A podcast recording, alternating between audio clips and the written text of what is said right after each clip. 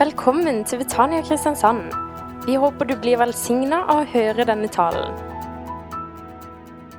eller visdom da jeg forkynte dere Guds vitnesbyrd. For jeg ville ikke vite noe blant dere uten Jesus Kristus og ham korsfestet. Og beven. Og min tale og min forkynnelse var ikke med visdom, overtalende ord, men med ånds- og med kraftsbevis for at deres tro ikke skulle være grunnet på menneskelig visdom, men på Guds kraft. Amen. Når eh, jeg ble opptatt av disse versene Jeg har det slik at jeg leser eh, Guds ord på, på, fra, fra kapittel 1 i Første Mosebok til jeg er ferdig med kapittel 22 i, i Johannes' åpenbaring. Jeg har gjort det alle år. Pløyeren tvers igjennom. Det hender at jeg hopper over slektsregisteret. Men det, det, det, har hendt at jeg innimellom der òg har ropt halleluja, kan du si. Selv om, eh, selv om det kan virke litt eh, omfattende stoff å gå gjennom. Men eh, jeg er enig med, med Sune her at uansett igjennom alle, alle disse årene og alle disse gangene jeg har pløyd Guds ord, det er alltid noe nytt. Det er alltid noe nytt. Du blir jo aldri ferdig. Plutselig så ser du en helt annen side enn det man har gjort før. Det er sikkert ikke bare Sune og jeg, men jeg ser at det er mange bibellesere her i kveld. Så du har sikkert hatt samme opplevelse.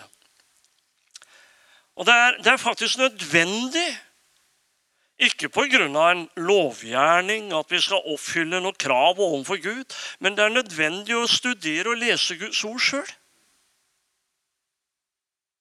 Hvorfor det, da, sier du? Jo, hvis man ikke vet hva ordet sier, så er det så lett å følge med vinden, kan du si. Både hit og dit. Og man veit ikke hva man sjøl tror til slutt. Og man blir confused. Altså sinnsforvirret, egentlig. Åndelig sinnsforvirret. Man har ikke stabilitet i sin vandring med Gud. Men ordet skaper stabilitet. Og ordet skaper glede. Det skaper noe. Det skaper trygghet òg. Og det skaper integritet. For når du leser Guds ord Jeg har ikke begynt å preke ennå, Sunne. Du må ikke ta tida enda. Jeg skøyer litt her, da. Men, men, når du leser Guds ord, så skaper det integritet, og du kjenner at ordet det omformes til liv. Det er ikke noe du prøver å leve, men det blir livet ditt ved Den hellige ånds hjelp. Det er nødvendig å lese Guds ord. Det gjør noe med den, kan du si. Og Det var en jeg samtalte med. Hadde ikke, vedkommende hadde jo ikke åpnet Bibelen på mange år. Og, og, og, så det egentlig som en lovgjerning, men jeg kjenner at jeg er behov. Det er jeg som er i behov av å kjenne Guds ord. Amen. Nå kunne jeg virkelig begynt å preke om akkurat det, men det skal vi ikke gjøre. Men jeg ser Paulus for meg, og når, når jeg da hadde eh, lest det her, så fikk jeg egentlig en aha-opplevelse. Av den årsak at jeg ser Paulus sitte og skrive. Og han refererer tilbake til den tid han var i Korint. Ikke sant? For han sier, 'Da jeg var hos dere, da jeg kom til dere', sier han. Da måtte jo nødvendigvis være i Korint. Og da står det noe bemerkelsesverdig. Jeg kom ikke til dere, sa han, med visdomstale, overtalende ord og menneskelig kløktighet, men i ånds- og kraftsbevis. Men legg merke til hvilken tilstand han var i. Jo, han var bevende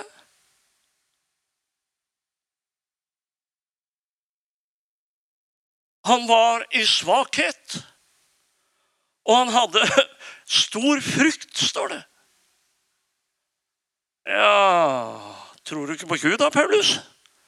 Jo, men det var noe der over hans liv, over hans eh, situasjon, der han sitter og skal, øh, skal øh, forkynne Guds ord for disse jøder, og spesielt jødene, som hadde hatt sin gudstjenesteform i tusener av år.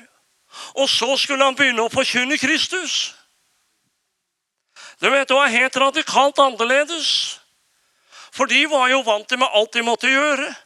Men han skulle forkynne om det som var gjort. Han skulle forkynne Messias. Og så for en sånn forsamling. Og det er her han sier jeg, jeg kom ikke til dere med visdomstale, sier han. Jeg kom ikke i form av det fakultetet jeg har gått på. For jeg var 100% avhengig av Den hellige ånd. Og jeg satt og tenkte og tenkte og filosoferte. Når jeg syns jeg ser Paulus foran forsamlingen her. Og så går jeg helt tilbake til den dagen når Paulus er på reise. Han skulle til Damaskus. Han var brutal, men han var egentlig ingen mobb. Han var helhjerta. Dere merket det. Han var helhjerta. Han var nidkjær for loven. Så han var helt overbevist at det å fortelle eller forfølge de som var på veien, det var Guds vilje. Og Jeg har også reflektert litt over hans hans intellekt. For han sier at han var en fariseer. Han var opplært ved Gamaliens føtter. Han var sprenglærd i Gamletestamentet. Og denne sprenglærde fakultetmannen som hadde vokst opp på under Gamalies føtter, han sier at jeg satt der hos dere med frykt og med beven.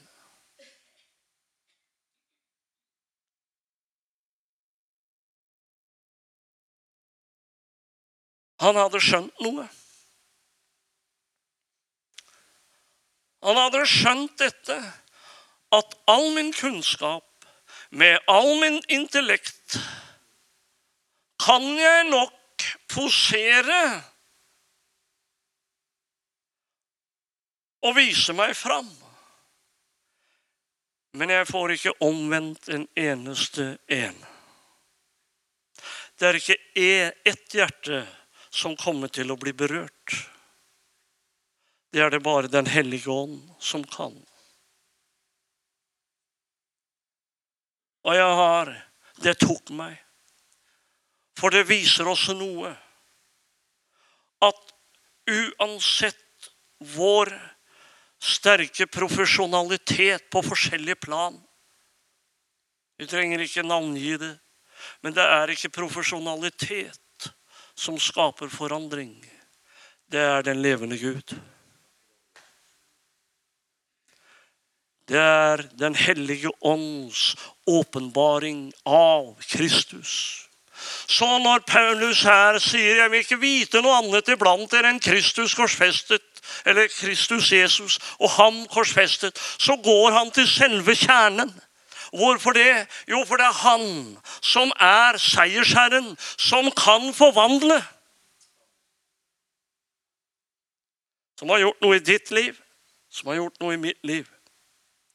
Det er der han går, til sakens kjerne.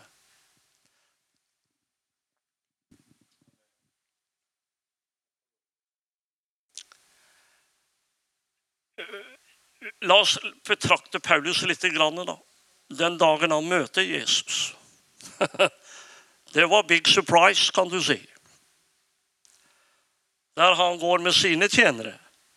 Plutselig står Jesus foran ham. Med fantastisk lys. Hvem er du? Hallo, Paulus. Du er sprengleid i Gamle testamentet, og så vet du ikke hvem som står foran deg. Nei. Det trengtes en hellige åndens åpenbarelse. Det trengtes et møte med Jesus for å forstå hvem han var. Og sånn er det for oss alle sammen. Du må møte Jesus for å forstå hvem han er. Du må kjenne Jesus for å se han, hvor vidunderlig denne Jesus er. Én ting er hva du hører, og kanskje har hørt mange ganger. Én ting er hva du opplever. Interessant. La meg ta en sånn liten busslomme. Eller busslomme, kan, vi kalle det òg. Det er interessant når du ser, når du ser Lukas. I den første delen av apostelens gjerninger og Lukas evangeliet så skriver Lukas om det som han har hørt og blitt overgitt. Men når vi kommer ut i halv, siste halvdel av apostelens gjerninger, så sier han Da bruker han formuleringen 'vi'. Vi-form. Nå er det ikke bare hva han hadde hørt. Han kom med følge, Paulus sitt følge fra Troas, og så var han med ned til Jerusalem og, så, og resten av følget. Men da var det 'vi'. Og det er noe interessant skjønner du, når, dette, når du møter Jesus. Da slipper du liksom at de gjorde. Når vi møter Guds kraft, de opplevde. Nei, vi opplevde. Det ble annerledes. Vi opplevde. Jeg opplevde. Da, da blir våre vitnesbyrd det blir sterkere. På grunn av vi har førstehåndskjennskap. Amen. Jeg vil ikke vite noe annet iblant dere enn Jesus Kristus og han korsfestet. Halleluja. Jo, han møtte Jesus der på veien. Han fortsatte blind inntil til Damaskus. Der sitter han. Og Jeg syns det er så interessant. Jeg vet ikke hvor mange ganger Paulus hadde gått igjennom Toraen, Det gamle testamentet. Men han måtte begynne på nytt. Tenk deg, teologen måtte begynne på nytt. Fordi han ikke hadde fått med seg hovedpersonen i Gamle testamentet. Og der begynner han å studere dag for dag, måned for måned, de årene som han levde. Satt der, leste, og Den hellige ånd åpenbarte Kristus i Gamle testamentet. Og så kunne han på en fantastisk måte sette seg ned og formulere. Og så har vi brevene hans, som bare maler Jesus for våre øyne. Halleluja. Jeg syns det var noe spesielt. Han måtte møte Jesus først. Han måtte bli døpt i Den hellige ånd, vet du. Og så sitter han der sammen med Den hellige ånd. Og så åpner han Skriften. Åpner Skriftene.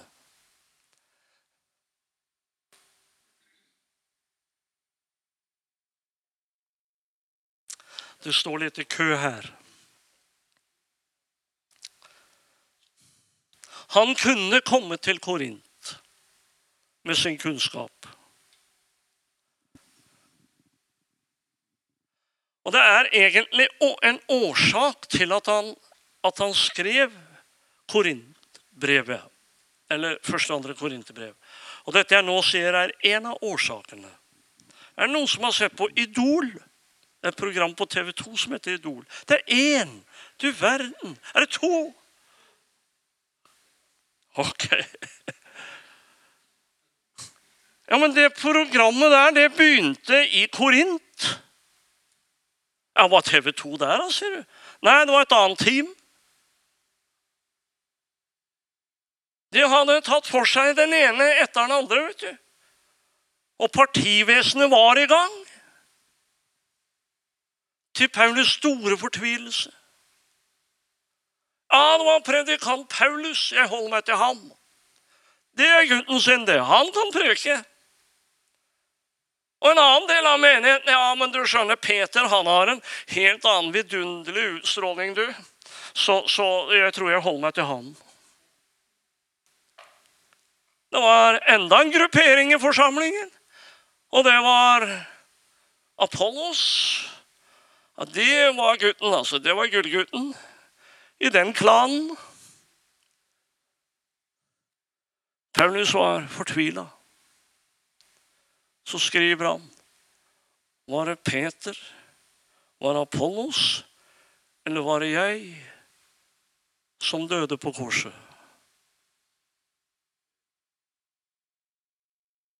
Og du hører, det er ingen menneske av profesjonalitet som er menighetens svar på utvikling og framgang. Det er ham. Det er ham.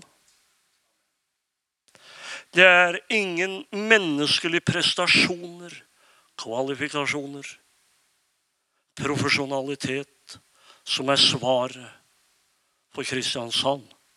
Det er ham. Det er ham. Og det er det Paulus har innsett og forstått så virkelig godt der han sitter og skriver dette brevet. Jeg vil ikke vite noe annet. Jeg vil ikke vite noe annet enn Jesus Kristus og ham korsfestet. Vet du, jeg har vært på haugevis av møter gjennom årenes løp. Jeg har mange her òg. Og når du har vært på mange møter, så har du sett mye rart.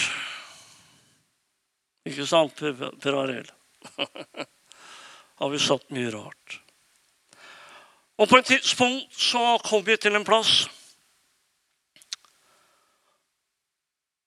Og, og Det skulle være veldig bra vekkelsesmøter. Det var en fin atmosfære. Og etter møtet der så lå det en drøss på gulvet der. Og jeg var fascinert over hva Gud gjorde. Men det hadde gått en tid. Så så jeg at en hel del av det var etterligning. Kopi. Det kunne stått kunne stått og prist Gud på sine to bein istedenfor å etterligne noe som skulle tilsvare Guds kraft. Vet du hva, Det gjorde noe virkelig med Nå er jeg veldig ærlig med deg. Det gjorde noe her inne. Jeg ble sår. Jeg ble sår. Og så så skuffa. Det er det Paulus går imot her. Etterligninger.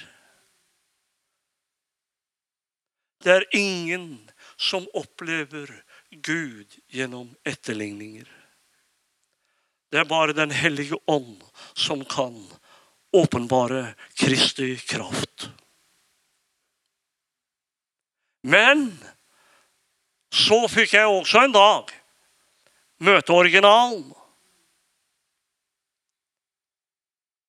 Jeg har vitna om det før, jeg vet ikke om jeg skal ta det fram. Men, men men eh, som eksempel Men da kjente jeg Da kjente jeg at dette er ikke noe Harald har tusla med for å få til.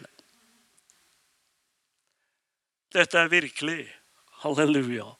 Jo, jeg kan godt gjøre det. Har vi ikke tid til det? Er påske eller ikke? Vi var i Kongsberg med et team fra bibelskolen. En kveld så skulle vi bare prise Gud sammen, bare det lille teamet på en seks, syv, åtte stykk. Og så gikk vi inn i salen, satte, ved, satte jeg meg ned ved piano. Et par-tre satt ned i salen. Så kom en annen og satte seg ved siden av og, og begynte å spille gitar. Og så kom Guds nærvær på en stille, forsiktig måte. Og til slutt og lå vi der og holdt på å le og skakk. Men det kom i bølger. Og når det ble stille, så var det bare et nærvær av Den hellige ånd.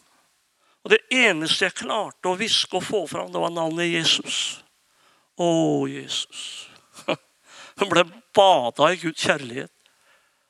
Ja, hva med den latteren? Ja, men Du vet jo det at det står at Guds rike består, er i fred og glede i Den hellige ånd. Ja.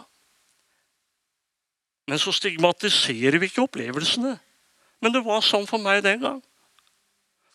Dagen derpå så skulle hovedleder for alle teamene som var spredt rundt i området, skulle besøke oss til morgenandakten.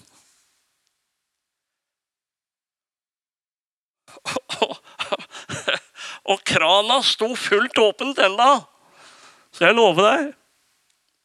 Og vi hadde så vidt spist frokost, så var jeg nede og møtte vedkommende på, på Kongsberg stasjon. Og så inn i pinselokalet der vi fikk lov å bo.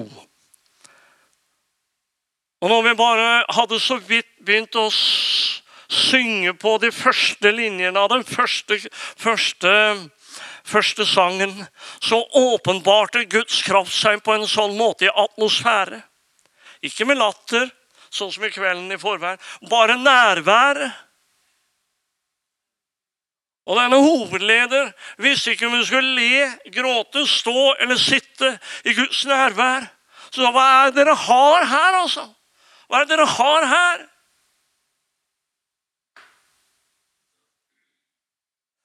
Originalen. Du skjønner, Har du smakt originalen, da blir du ikke fornøyd med kopien.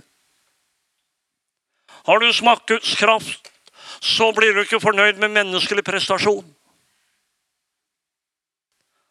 Da er det en lengsel der, som en hjort lengter etter vann og Gud. Jeg lengter etter deg. Yes.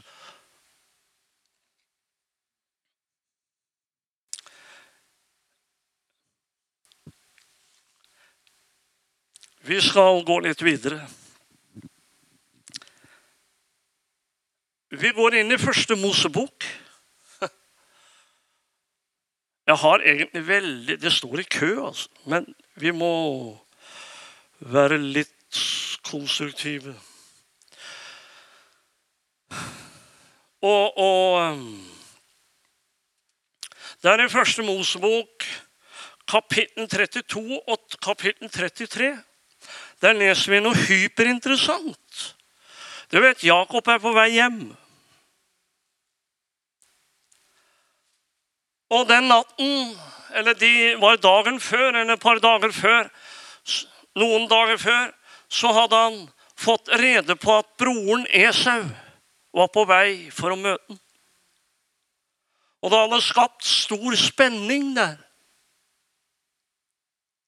Du vet hvordan han delte opp budskap, tjenere, familie i puljer for å møte bror. For å møte krisen som forelå. Du ser organisatoren Jakob i aksjon. Du ser denne vellykkede bonden som hadde skapt en fantastisk stor hær av, av, av, dyr av forskjellig slag. Han var en holden mann. Han hadde kvalifikasjoner. Han hadde profesjonalitet. Men nå møtte han krisen. Jeg syns det er hyperinteressant.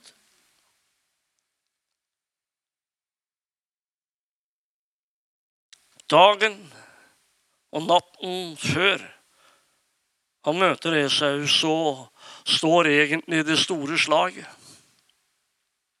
Du vet hvordan engelen kommer og kjemper med han hele natten igjennom.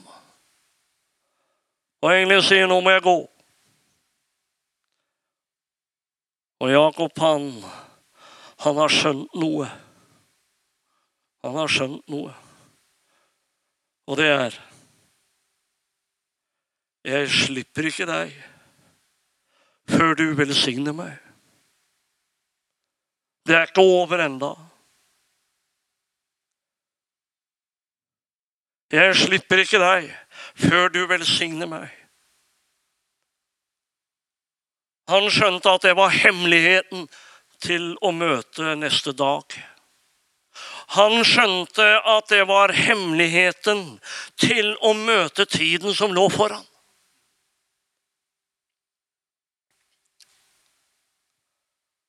Og han fikk velsignelse, men han fikk noe mer òg. For velsignelsen var avhengig, eller velsignelsen sto i pakt med hans avhengighet. Derfor rører engelen ved hans hofteskål. Og han skulle se at det var ikke lenger den, den sterke Jakob som hadde fått det til. For han møter nemlig en utfordring som han engstes for når han går ut av teltet. Trøtt, kanskje sliten. Og i det fjerne så ser han en folkemengde som kommer, og han vet det er Esau. Han venter døden. Han venter spenninger, han venter et, et krast oppgjør. Og Jeg ser liksom for meg om han, om han sjekker om sverdet er på sida, om dolken er, er, der han skal, og at han har redskapene sine i orden. Men det er noe her som er annerledes. Det er nemlig det at han går og hinker. Ja, hva har det å si, da? Jo, det taler om avhengighet. For slaget var tapt allerede. Hans fysiske slag med, med Esau var tapt allerede. Det var bare én ting som sto igjen. Velsignelsen. Velsignelsen.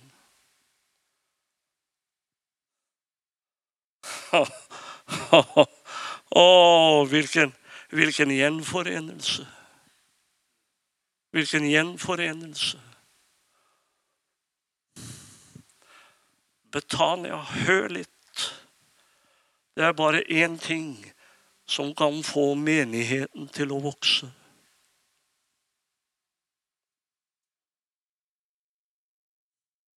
Det er bare én ting som får Guds forsamlinger i framgang og vekst. Det er Den hellige ånd. Det er ikke vår profesjonalitet. Det er ikke hvor flinke vi er på de forskjellige ting. Organisere. Gud vil ha tak i hjertene våre. Og jeg ser Jakob komme. Så står han stille og ser broren komme. Og hopper ned av det han red på, Esau. Så står det at han løper broren i møte. Så står det det ble en herlig omfavnelse der. De gråter sammen. Det ble en gjenforenelse. Spenningene var borte.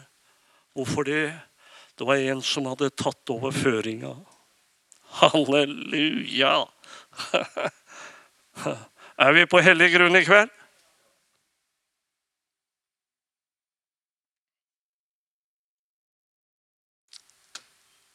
Det var en som hadde tatt over føringa. Det er hemmeligheten.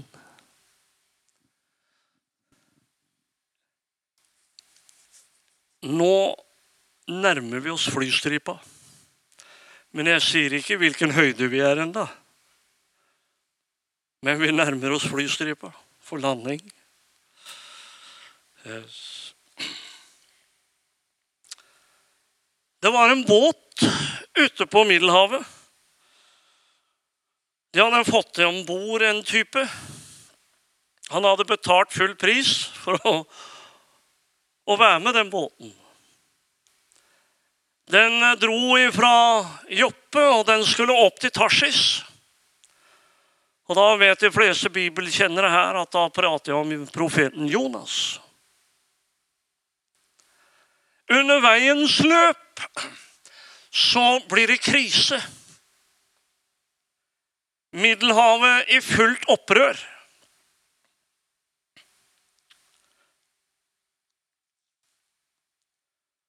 Og de som bor, de gjør alt de kan for å redde skipet og sine liv. Kan du se hvordan de organiserer? Kan du se hvordan de bruker all sin ekspertise? Alt de hadde lært. Og ting blir kasta over bord for å holde båten flytende. Men så kommer det til det punktet da det må gi opp. Da er det noe å le av. Ja, for jeg fryder meg. De kom til det punktet hvor de måtte gi opp. Og så sier de noe spesielt til Jonas. Du må rope til din Gud. Fokuset ble forandret ifra deres ekspertise til hva Jonas sin Gud kunne utføre. Er ikke det interessant? Akkurat sånn som på Genesaret Genesaretsjøen. Jesus lå og sov i båten. Han må jo ha hatt et alvorlig sovehjerte.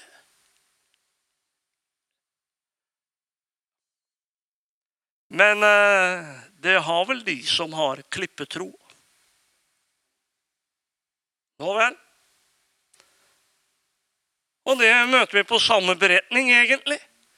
Og det henvender seg til Jesus. Bryr du deg ikke om at vi går under?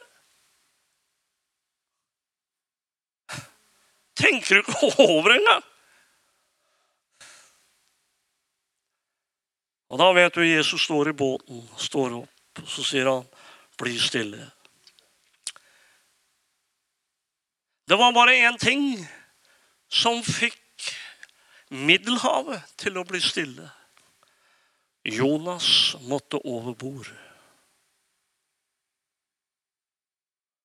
Og det hender det, menighet, at vi må ha ut Jonas for at det skal bli stille i rekkene. Skjønte du det? Det hender vår, ikke bare i et menighetsliv, personlig liv. Det hender vi må kvitte oss med en Jonas for at det skal bli stille i familien. Det skal bli stille mellom relasjonene. Det hender at vi må kvitte oss med en Jonas for at kursen igjen kan settes og framgangen komme. Vi er avhengig av ham. Det er jo palmesøndag i dag. Jesus rer inn i Jerusalem på palmegrener og klær. Og Sune han sa det var den stille uka. Vi kan si det var den stille dagen, for hvis palmesøndag var på en søndag i den tida, så ble det ganske bra vekkelsesmøte på mandag, kan du si. Når Jesus da kom inn i tempelet igjen, da rydda han unna Jonas. Da rydda han unna Jonas. Det mennesket skapte, det faktisk fikk Han sier det så brutalt. Dere har gjort min fars hus til en røverhule, sier han. Ja, men det var jo der. Og det er noe av det som henger i, i, luften over det som Paulus sier, som vi begynte med. Det var jo der forsamlingen og jødene skulle møte Gud. Og isteden møter de en handelsbod. Isteden møter de noen som er fokusert på helt andre ting. På profitt. På menneskelig ego. Som da skulle liksom være med på å underbygge da, eh, gudstjenesteformen i tempelet. Ja, men vi selger jo disse duene. Ja, jeg skal si duene fikk fart på seg når Jonas kom ut. Det er ikke kjekt å kaste Jonas ut. Det er ikke kjekt i det hele tatt. Det er ikke kjekt når Gud belyser ting i ens personlige liv om du må avskaffe deg med, forandres på. Det er ikke noe hallelujastemning, det. Jesus så hvordan fariseerne gikk ut for seg sjøl og begynte å planlegge å drepe ham. Han visste det ble reaksjoner. Men det var nødvendig for at Guds relasjonen skulle opprettholdes. Det er jo relasjonen og ikke tradisjonen som gjør at vi kjenner Gud. Ikke sant? Å, halleluja. Jeg vil ikke vite noe blant dere enn Jesus Kristus og ham korsfestet. Vi er inne på selve evangeliets kjerne. Hør litt. Det er ingen vekkelsespredikant i seg selv som kan skape vekkelse. Det er ingen helbredelsespredikant i seg selv som kan gå rundt og helbrede. Vi er bare sendebud. Og vi er så avhengig av den levende Gud. Det er ikke noe spesielt fine program i menigheten som er hemmeligheten. Det er Den hellige ånd. Jeg vet ikke hvorfor jeg må trykke på dette i kveld. Vi skulle jo prate om palmer og klær. Men vi er inne på det sentrale. Det er nemlig Han som Egil og Arne sang om for mange år tilbake. Jesus er løsningen. Det er jo der fasitsvaret er. Halleluja. Det er jo der fasitsvaret er. Jeg kjenner det er en spesiell atmosfære her inne i kveld. Det er en veldig spesiell atmosfære. Jeg har lyst til å henvende, deg, henvende meg. Kanskje det er en eller annen som er i den der båten der ute på Genesaretsjøen. Det står at båten holdt på å fylles med vann. Ikke sant? Og jeg spurte dattera mi hva hadde du og jeg gjort hvis vi hadde opplevd det samme. Jo, da hadde vi tatt ei bøtte, de kar og de, de, alt det vi hadde å øse med. Vi hadde øst som bare det. Ikke sant? Er ikke det naturlig, da? Men det var bare det at dess mer de øste, dess flere bølger kom det. For båten holdt på å fylles. De var ikke i stand til å møte de utfordringer som de var i. De ga opp. Og hør litt. Kanskje det er en her i kveld, eller flere, som har opplevd livskrise. Du har prøvd å få orden på livet, og der var ei bøtte med. Ut med det problemet. Og du prøver å få organisert tingene rundt deg, og ut med det. Men det kommer nye og nye bølger inn over livet. Jeg har samtalt med en annen person om det her. Jeg ga vedkommende det ordet en dag. Så er det bedre å gi opp og fokusere på han som ligger der i båten sammen med deg. Han som er i båten sammen med deg. Han er her i kveld, han. Han som var i den båten. Og han har til hensikt for ditt liv å reise seg fra sin trone og si 'bli stille'. Fokuser på ham, du, så blir det stille. Fokuser på ham som sonet og vant på korset, så blir det stille. Kanskje du har opplevd hvordan det stormer i sinnet mot ditt åndelige liv. Bare fokuser på ham som har tatt hånd om ditt åndelige liv. Så blir det stille. Amen. Du har nå hørt en tale fra Betania Kristiansand. For mer informasjon kan du besøke våre hjemmesider på betaniakrs.no.